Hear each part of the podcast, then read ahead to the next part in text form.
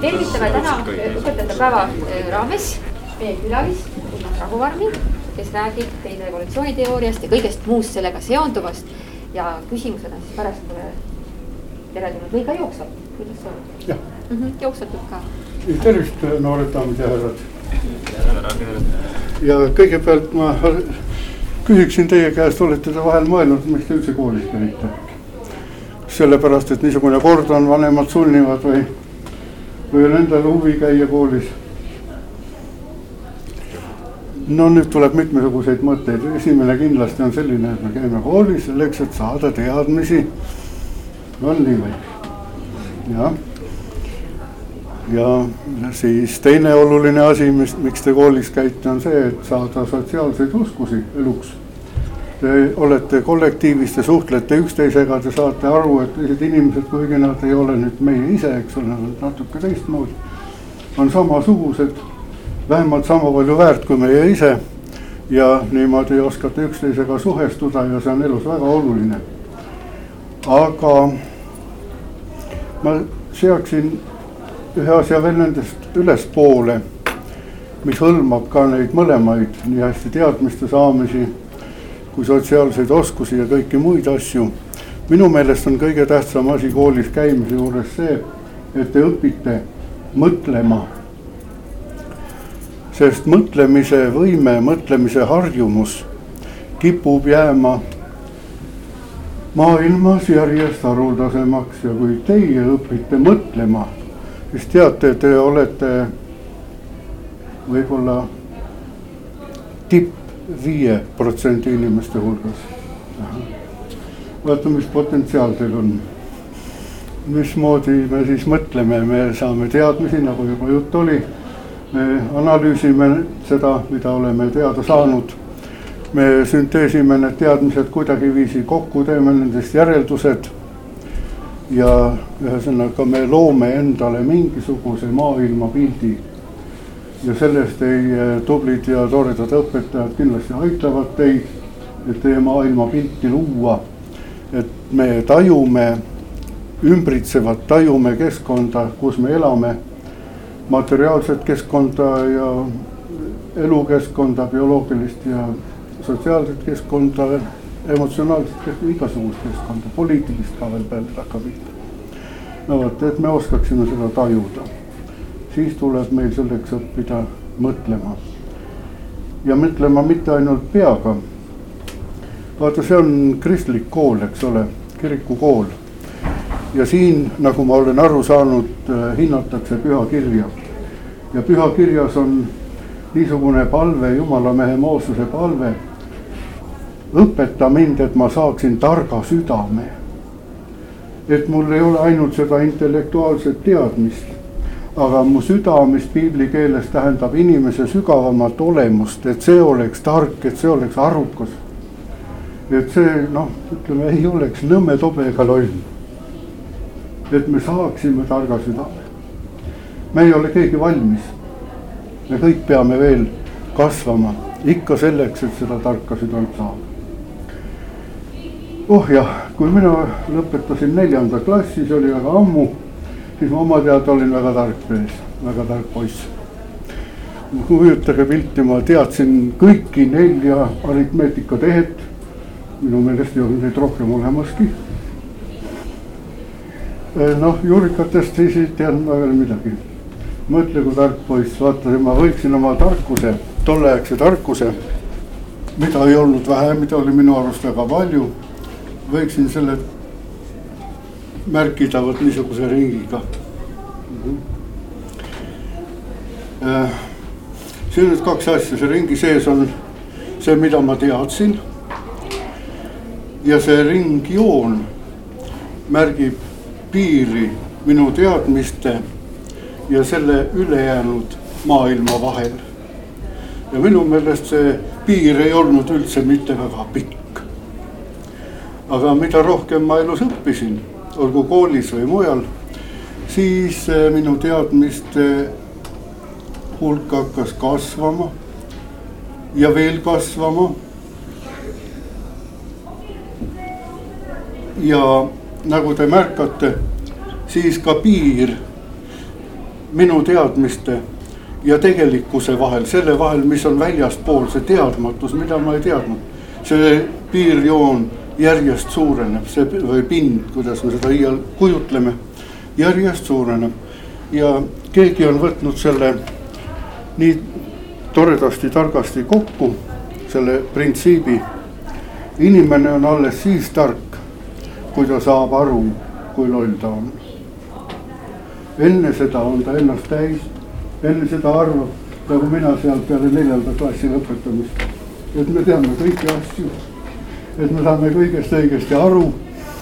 ja meil on mingisugune niisugune oma mull tekkinud, milles me siis elasime.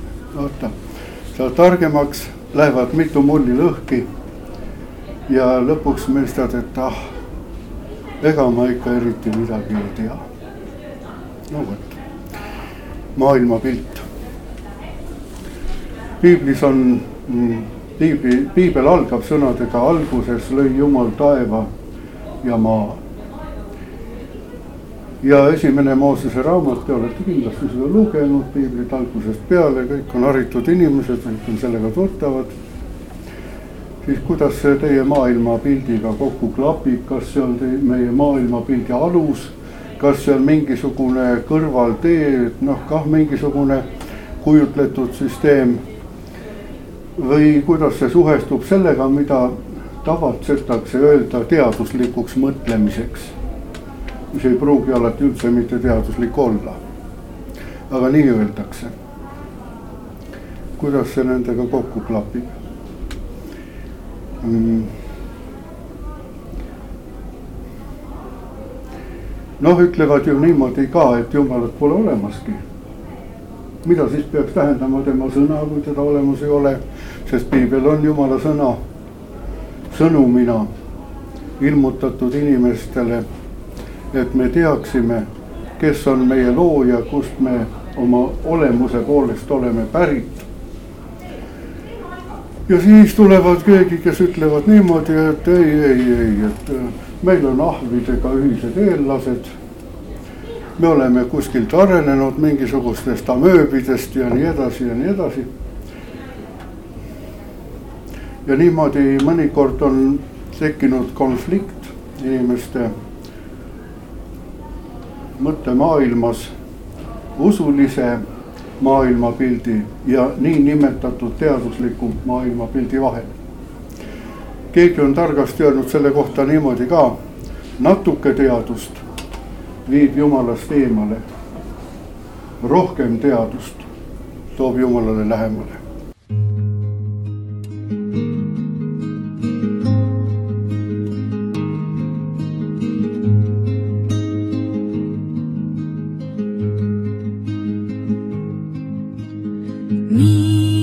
Palju on vaadata, kiita ei jõua, kiita ei jõua valgust ja varju ja valguse ja varju ja valguse mängu. mõtte igavest uidet, puid, mis maa poole längu.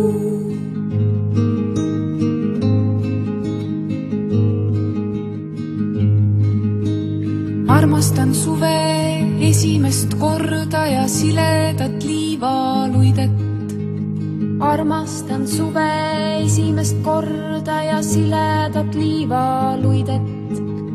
pimestav heledat, pimestav heledat suve päikese käes, igatsus igas aias, kõrreke lapse käes. Uksed ja aknad on valged, riividest, krampidest kõikidest krampidest. aken on väljapoole, isegi tormiga.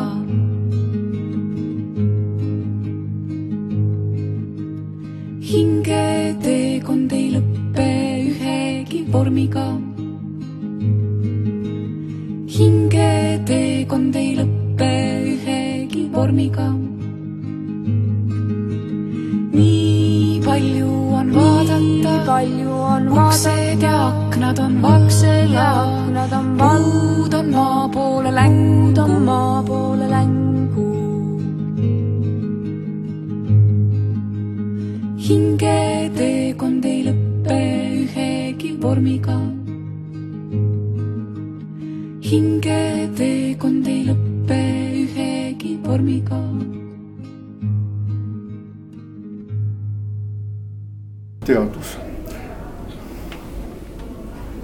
ülemöödunud sajandil kunagi sõnastati mõned füüsikas üldtuntud seadused, termodünaamika seadused, neid on kokku neli. viimast kahte, mis käsitlevad seal absoluutse nulli ümber toimuvat, nendega ei hakka praegu tegelema, aga vaatame esimest kahte Ter. termodünaamika esimene seadus ja maakeeles lühidalt kokku võttes süvenemata asja peensustesse ütleme, et see on nii energia ja massi ehk mateeria jäävuse seadus. ja ütlevad niimoodi, et universumis on lõplik kogus energiat ja ainet. saavad moonduda üksteiseks ja nii edasi ja tagasi. heakene küll, jätame selle praegu sinna. aga termodünaamika teine, see on veel huvitavam. see on entroopia lisandumise seadus. Te kindlasti teate, mis asi on entroopia, see on korratus. see on kaos, on ju tähendab, see on ja seadus ütleb niimoodi, et suletud süsteemis või isoleeritud süsteemis protsessid liiguvad kaose ehk siis korratuse suurenemise suunas. ja seda te teate igaüks omast elust ise jah. tuba ei korista, iseenesest rohkem korda ei lähe. ta läheb aina rohkem segamini tuleb tuttav ette jah, minul küll, ma ei tea, kuidas teil. ja, ja selleks, et luua korda, peab olema korra looja. kuidas nad siis ütlevad niimoodi, et me oleme arenenud? mõtleme sellele, kui keerukad nähtused meie oleme, kui keerukas on üldse elu ja, ja inimelu, inimorganism samuti kuidas on tekkinud siis kaosest, nagu nad räägivad, et oli mingisugune, mingisugune osakeste supp, et sealt hakkasid siis moodustuma heast peast aatomid, molekulid, elemendid ja kõik muu selline. et kunagi oli siis suur kärakas. Aga muide, siis kui mina koolis käisin, kui ma nii vana olin kui teie, siis räägiti teaduslikult et universum on igavene ja lõpmatu. nüüd on mõnikümmend aastat mööda läinud. teadus ei ole valmis, teadus areneb. aga nüüd räägitakse teist juttu, ei ole lõpmatu ja tal on algus olnud. kunagi käis suur kärakas ja sealt siis hakkas kõik see värk tulema. Küsime, kes see paugutas. iseenesest ei ei, ei toimu niisuguseid asju, et midagi kuskilt äh, saab olema, nii et äh, energia ja massi jäävuse ja igavese olemise asja me võime selles mõttes kahtluse alla panna, see on juba pandud kahtluse alla. kunagi seda ei olnud ja järsku tekkis. miks tekkis, mis eesmärgil tekkis, kuidas tekkis, kust me seda kõike teame targad inimesed on välja arvutanud äh, selle suure paugu järgsete esimeste millisekunditeni, mis ained ja osakesed kunagi võisid tekkida. see on ütlemata põnev küll, aga ikkagi ei vasta küsimusele, kes paugutas. või siis räägime teisest plahvatusest veel. nimetatakse plahvatuseks, aga suurt kärakat seal ei käinud. vaata, kui me läheme maa sisse ja uurime, mis seal on ja siis me leiame, leiame igasugu ammu elanud elukate kivistisi. ja siis öeldakse niimoodi, et mida sügavamale läheme, seda varajasemad need kivistised on. Nonii, aga siis tuleb kunagi piir ette, kus ei ole enam bioloogilist elu olemas, nimetatakse kambriumiks kus see tekkis ja eelkambriumi kihtides maa sees ei ole enam fossiile. ei ole enam elusolendite säilmeid või neid jäänuseid, jälgi ei ole näha. ja seda, kuna kambriumis tekkis elu kiiresti, plahvatuslikult, siis nimetataksegi seda kambriumi plahvatuseks. pauh ja kõik liigid oma täie, täielikus olemises olid olemas. Ei ole leitud minu teada mingisuguseid vahevariante, et üks organism oleks võinud areneda teiseks. korraga kõik olemas, noh, arhailised elukad seal, trilobiit, eks ole, aga tal on kõik organid olemas, mis temale oli kunagi eluks vaja. kõik on täiesti valmis, silm ei ole poolik, silm nägi hästi. Silmas on isegi need optilise korrektsiooni asjad sees, mis meil paremates kaamerates tänapäeval on. Pole mingit arengut, pauh ja valmis. Ja see tegi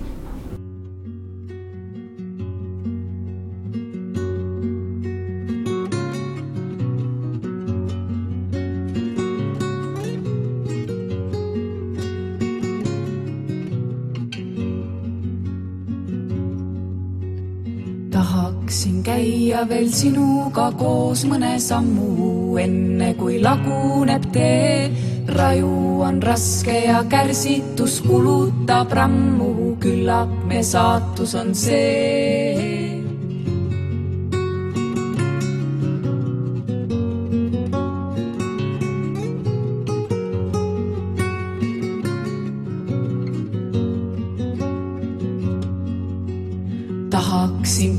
Taevani paisata puikleva huike, enne kui uduneb tee enne kui laulmise lõpetab must tuhat luike, puruneb mõtete kee. enne kui igatsus hilineb, lunastus lammub, enne kui praguneb tee, enne kui õied on mullale loovutanud ammu, karikais lõhnanud mee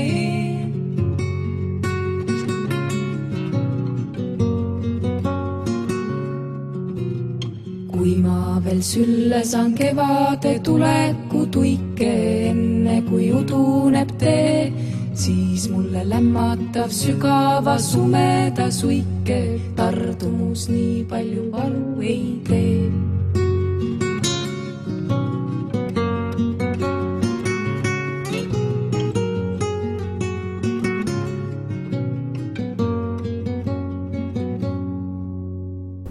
piibel annab meile selle vastuse, alguses lõi jumal taeva ja maa ja siis oli ta tühi ja paljas ja siis ta hakkas siia peale elu istutama. no ja mõned tänapäeval ütlevad ka niimoodi, et elu on maa peale kuskilt väljastpoolt tulnud, sealt kosmosest mingite, ma ei tea, mis asteroididega või. aga kus, kust ta sinna sai? jällegi ei vastata küsimustele ikkagi, see on sama nagu iidsetel rahvastel oli kõigil oma maailma loomise müüdid kus äh, hiidlind munes suure muna ja sellest tuli maailm. no kes selle linnu munes, kes selle linnu tegi, ikka kuskil jääb see mõtlemine puudu, sõbrad, ärge jätke oma mõtlemist poole peale. kui te mõne asja peale hakkate mõtlema, siis mõtelge lõpuni nii kaugele, kui saab. inimmõistus ei ole piiramatu, meil tuleb ükskord piir ette, aga jõudke selle piirini, mis on teile antud mõtelge asjad enda jaoks selgeks. noh, mina olen enda jaoks selle selgeks mõelnud, mul ei ole konflikti teadus, teadusliku mõtlemise ja usulise mõtlemise vahel. ma ei pea ennast ümber lülitama, ma ei pea äh, nagu mõnes teises religioonis, et vaata, nüüd ma olen hindu, nüüd mõtlen religioosselt, nüüd ma olen teadlane nüüd ma uurin taevast ja teen tuumapommi. eks ole, et ta peab selle vahel tegema niisuguse ümberlülituse oma peas ja see on lõhestatud isiksus selles mõttes. skisofreeniline, okei okay,, aga meie maailmapilt ei pea olema lõhestatud, ei pea olema murendatud, see peaks olema psüühiliselt tervel inimesel terviklik no nii, milline siis on, kas jumal tegi maailma või sündis see suurest paugust? kas äh, elu arenes äh, seal mingisugusest äh, sulbist kuskil ookeanis või on keegi selle teadlikult loonud? vaata, seesama termodünaamika teine seadus ehk entroopia seadus ei jäta meile mingisugust võimalust arenemiseks mis on antud, see on, kasuta seda. ja iseeneslikud protsessid lähevad kaose suunas. on üks tark mees Eestis, Richard Willems, Teaduste Akadeemia, mis ta oli, president või? ühes loengus ma küsisin tema käest, kui tema rääkis meile evolutsioonist. et kuidas või kustkohast võetakse uus informatsioon uue liigi tekkimiseks teatavasti elus organismides on kohutavalt palju informatsiooni. informatsiooni mõõtühik on bitt, null ja üks, null või üks. ja hinnanguliselt, nagu ma olen lugenud, on kogu universumis kümme astmes kakskümmend viis bitti informatsiooni. igasugu paljundamised, koopiad ei lähe seal arvesse. aga nii palju. kas te teate, kui palju on informatsiooni ühes, teie, igaühe ühes rakus. kui palju sinna mahub infot? ma olen lugenud, et sinna mahub infot kümme kaheksakümnendas astmes bitti, mis on astronoomilistes järkudes kõrgem kui kogu taevalaotus, kuhu te talveõhtul vaatate. ühes sinu inimrakus on rohkem tarkust sisse mahtumas kui kogu ülejäänud universumis. välja arvatud muidugi meie kaaslaste rahvus, informatsiooni hulk. ja, ja kui nüüd evolutsiooni te teooriaks on palju nimetada, see on oletus, see on, ma ei tea, hüpoteesini ka ei küüni. väidab, et, et liigid on tekkinud täie, täielikumaks arenemise teel siis ma küsisin selle Richard Williamsi käest, et kuidas või kuskohast tuleb siis see lisanduv informatsioon, sest vaieldamatult mina, meie organismid on keerulisemad kui näiteks mingil algloomal, ainuraksel, on ju. kustkohast see info tuleb sinna, see lisa ja temal oli vastus järgmine. kopeerimise vead, see on põhiline. siis sellele lisaks veel looduslik valik kohanemisvõime ja õppimisvõime ehk siis õpitud informatsiooni pärandatavus. niimoodi vastas üks Eesti kõige targemaid evolutsioniste, kui mitte kõige targem.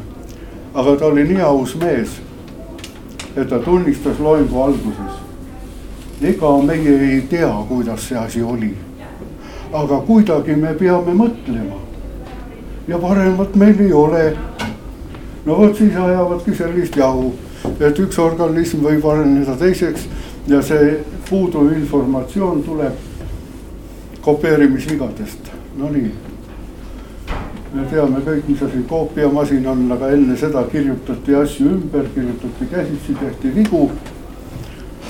ja selle kohta on niisugune tore võrdlus ka toodud, et, et on võetud üks hunnik tähti kunagi trükiti nende kirjatüüpidega, pandud see kasti, visatud üles õhku, vauh. ja alla tulevad niimoodi, siis sajavad kõik maha ja, ja alla tuleb Briti entsüklopeedia näiteks. või midagi muud sellist tarka. ei ole võimalik, et kopeerimisvigadest sünnib midagi arukat. see ei ole põhimõtteliselt võimalik kasvõi sellesama termodünaamika teise seaduse järele ei ole see võimalik. järelikult pidi keegi selle informatsiooni sinna panema. mis põhimõttelise vea teevad mm, evolutsiooniõpetajad? Äh, nad näitavad meile äh, näiteks koeri. koeri on ju lugematu palju tõugusid, eks ole aga kõik nad on koerad. ja nüüd, et inimene on tõuaretuse teel saanud suure hulga erinevaid, erinevaid olendeid. no seda nimetatakse mikroevolutsiooniks, mis on siis tõuaretus, mis on sordiaretus, mis on teostatav nüüd äh, valiku teel, kas loodus valib või inimene valib või mis on siis kohanemise teel organismide muundumine, polaaralade loomad ja kõrbeloomad. Nad võtavad selle mikroevolutsiooni mehhanismid ja kannavad need üks-ühele üle makroevolutsiooniks ehk siis liikide tekkimiseks või liikide muundumiseks ühest teisest. liikide muundumist ei ole täheldatud. nii et see evolutsiooniõpetus on algusest kuni lõpuni selge bluff, sellega ei ole mitte midagi peale hakata. No peale selle üks nõrk koht on seal veel, see vajab kohutavalt palju aega. isegi kui, isegi kui oletada et kopeerimisvigadest võib tekkida midagi muud, siis ei ole meil lihtsalt selle jaoks aega universumis, et tekiks sealt inimene. ainuraksest areneks inimene, seda aega lihtsalt ei ole, kui me, matemaatikud on selle välja arvutanud, et isegi kui toimub üks geenimutatsioon sekundis, siis ei jätku aega selleks, et valmis teha inimene. seda lihtsalt ei ole aga kuidas selle ajaga siis on? Te olete kindlasti lugenud piiblist, et jumal tegi maailma, tähendab taeva ja maa kuue päevaga. olete kuulnud seda juttu? ja seda peetakse nüüd usulise mõtteviisi nõrgaks kohaks, et see ei ole võimalik, ei ole põhimõtteliselt võimalik kogu universumit luua kuue päevaga. Jah. Vot seal ilmneb jälle see inimes-, inimliku mõtteviisi piiratus, vaata nagu mul oli see neljanda klassi ring siin. sest äh, ei loeta seda kohta piiblis, kus on öeldud, et üks päev jumala juures on nagu tuhat aastat. Ja tuhat aastat nagu üks päev tähendab, jumala ja inimese ajaskaalad on niivõrd erinevad ja see tuhat ei saa panna mingisugusesse valemisse, tuhat oli lihtsalt sel ajal, kui kirja pandi kõige suurem arv, millel oli nimi. sellest veel suuremad olid tuhandekordsed, kümme tuhat, sada tuhat, tuhat korda tuhat. tuhat oli suurim arv, millel nimi oli ja sellepärast öeldi, et jumala juures üks päev on nii nagu tuhat aastat, aga võib-olla miljon, võib-olla miljard aastat. me ei tea seda nii et kui me loeme piiblist loomise lugu esimesel päeval, teisel, kolmandal, siis inimene loodi alles kuuenda päeva õhtul. ja vot sealt peale võime hakata rääkima meie päevadest, kus öö ja päev vahelduvad ja kui me loeme kuid ja aastaid. nii et minu jaoks ei ole ka seal vastuolu piibli mõtteviisi ja siis äh, teadusliku mõtteviisi vahel, mis äh, toetub äh, välja või läbi uuritud faktidele, saadud tõsiasjadele. või kuidas teie maailmapilt seni on olnud, tahab keegi seda jagada? olete te võtnud puhta kullana seda, mis teile räägitakse? no vaata, seda ei saa sest kui me kõike võtame puhta kullana, mis meile räägitakse, siis äh, lõpuks me oleme rabas või soos, mis on looduslikult ilusad kohad. aga inimeste mõtlemise jaoks ei ole küllalt väärikad, et olla inimene. meil peavad olema või tekkima seisukohad. seisukoht on midagi muud kui arvamine. inimene võib arvata ühte ja teist, kujutleda ühte ja teist, aga see ei maksa kuigi palju see, mida mina arvan, ei tähenda midagi. ma pean teadma ja kui ma midagi tean, siis ma saan kujundada seisukoha. ja kui ilmneb uusi asjaolusid, siis ma ei tohi kõhelda oma seisukohti ümber vaadata, ümber hinnata. nii et äh, me peamegi sellest aru saama, et me ei ole valmis, me oleme kujunemas. ja milliseks me peaksime kujunema see on sealsamas piibli alguses juba öeldud, jumal tegi inimese oma näo ehk siis oma olemuse sarnaseks.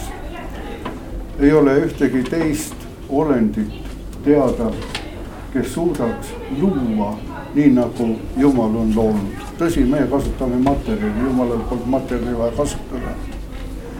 tema tegi mitte millestki selle, mis ta tahtis teha aga meile on antud võimalus teha midagi sellist, mida varem ei ole olnud.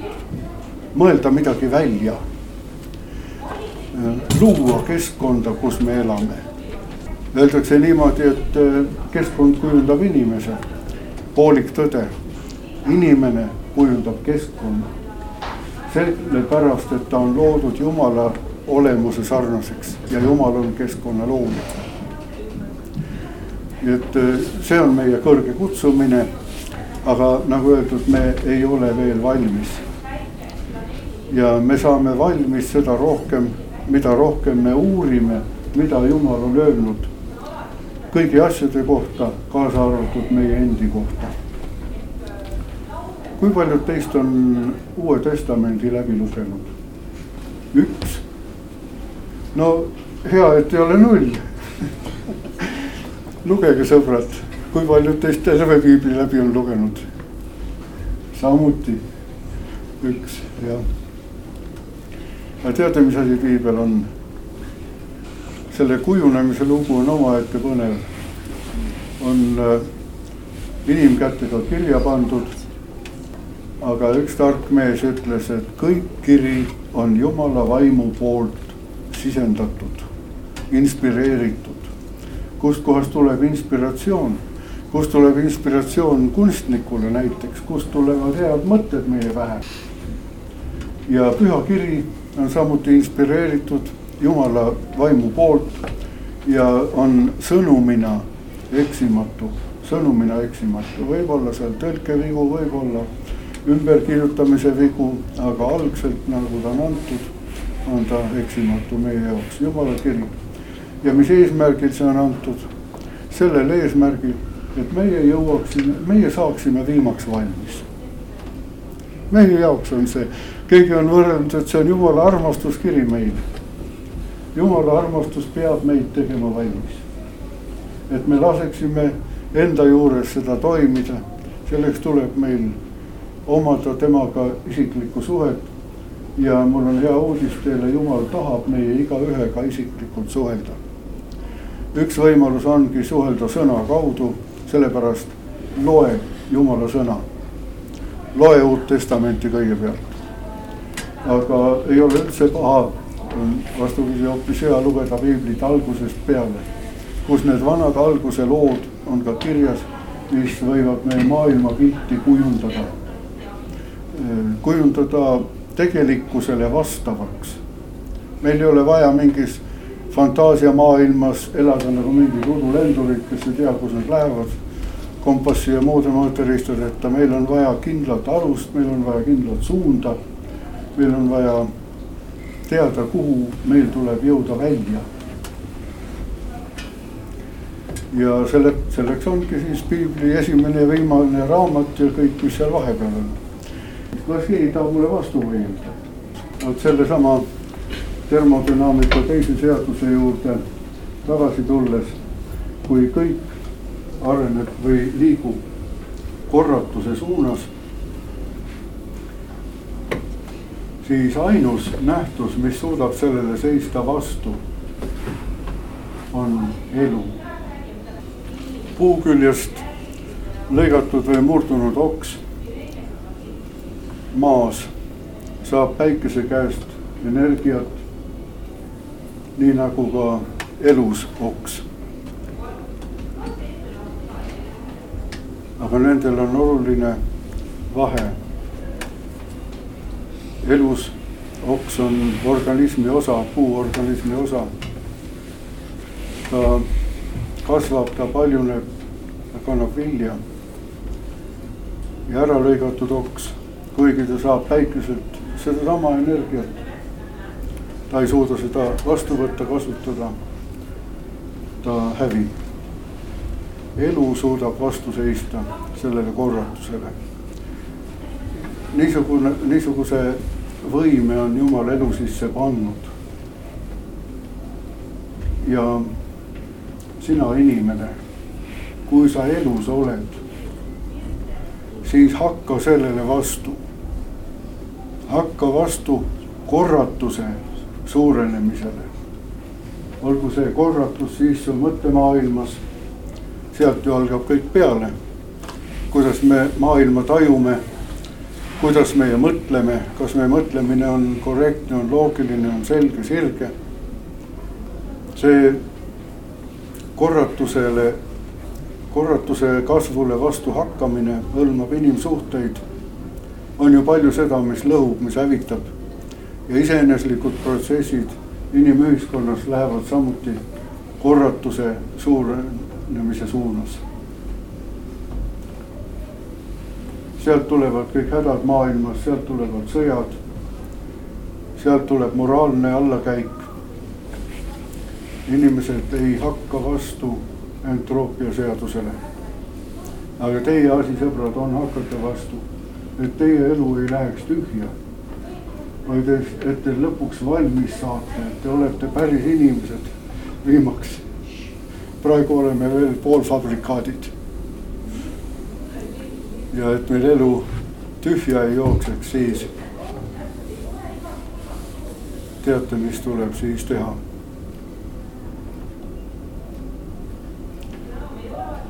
alustasin sellest, et mõelgem, sõbrad, mõelgem ja mõelgem tervelt kui nüüd keegi midagi küsida ei taha, vastu vaielda ka ei taha, täiendada ei soovi, siis ma tänan tähelepanu eest, minu poolt praegu kõik.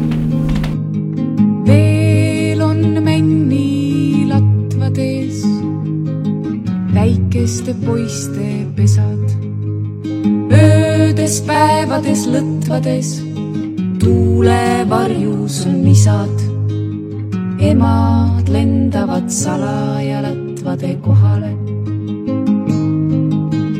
ema on pisaravalaja noorele kehale. poeg näeb kauguses laevu, laevid ka pähklikoor. männina maasse kaevu, seni kuni oled noor talviti põimiti püünist võrku jäid sinagi. laulu sügavast tüünist kuulete kunagi. männina kooldu kiiva, nii sa jääd elama. tuulest tuiskavat liiva, kella pean valama. emade parv sai hukka mis sai pojast ja isast. Raiuti metsa tukka ja nad kukkusid pesast. ärge uskuge hulle nende rabedas vihas. taevas tiirutab kulle kisendav vaikus kehas ärge uskuge hulle nende rabedas vihas. taevas tiirutab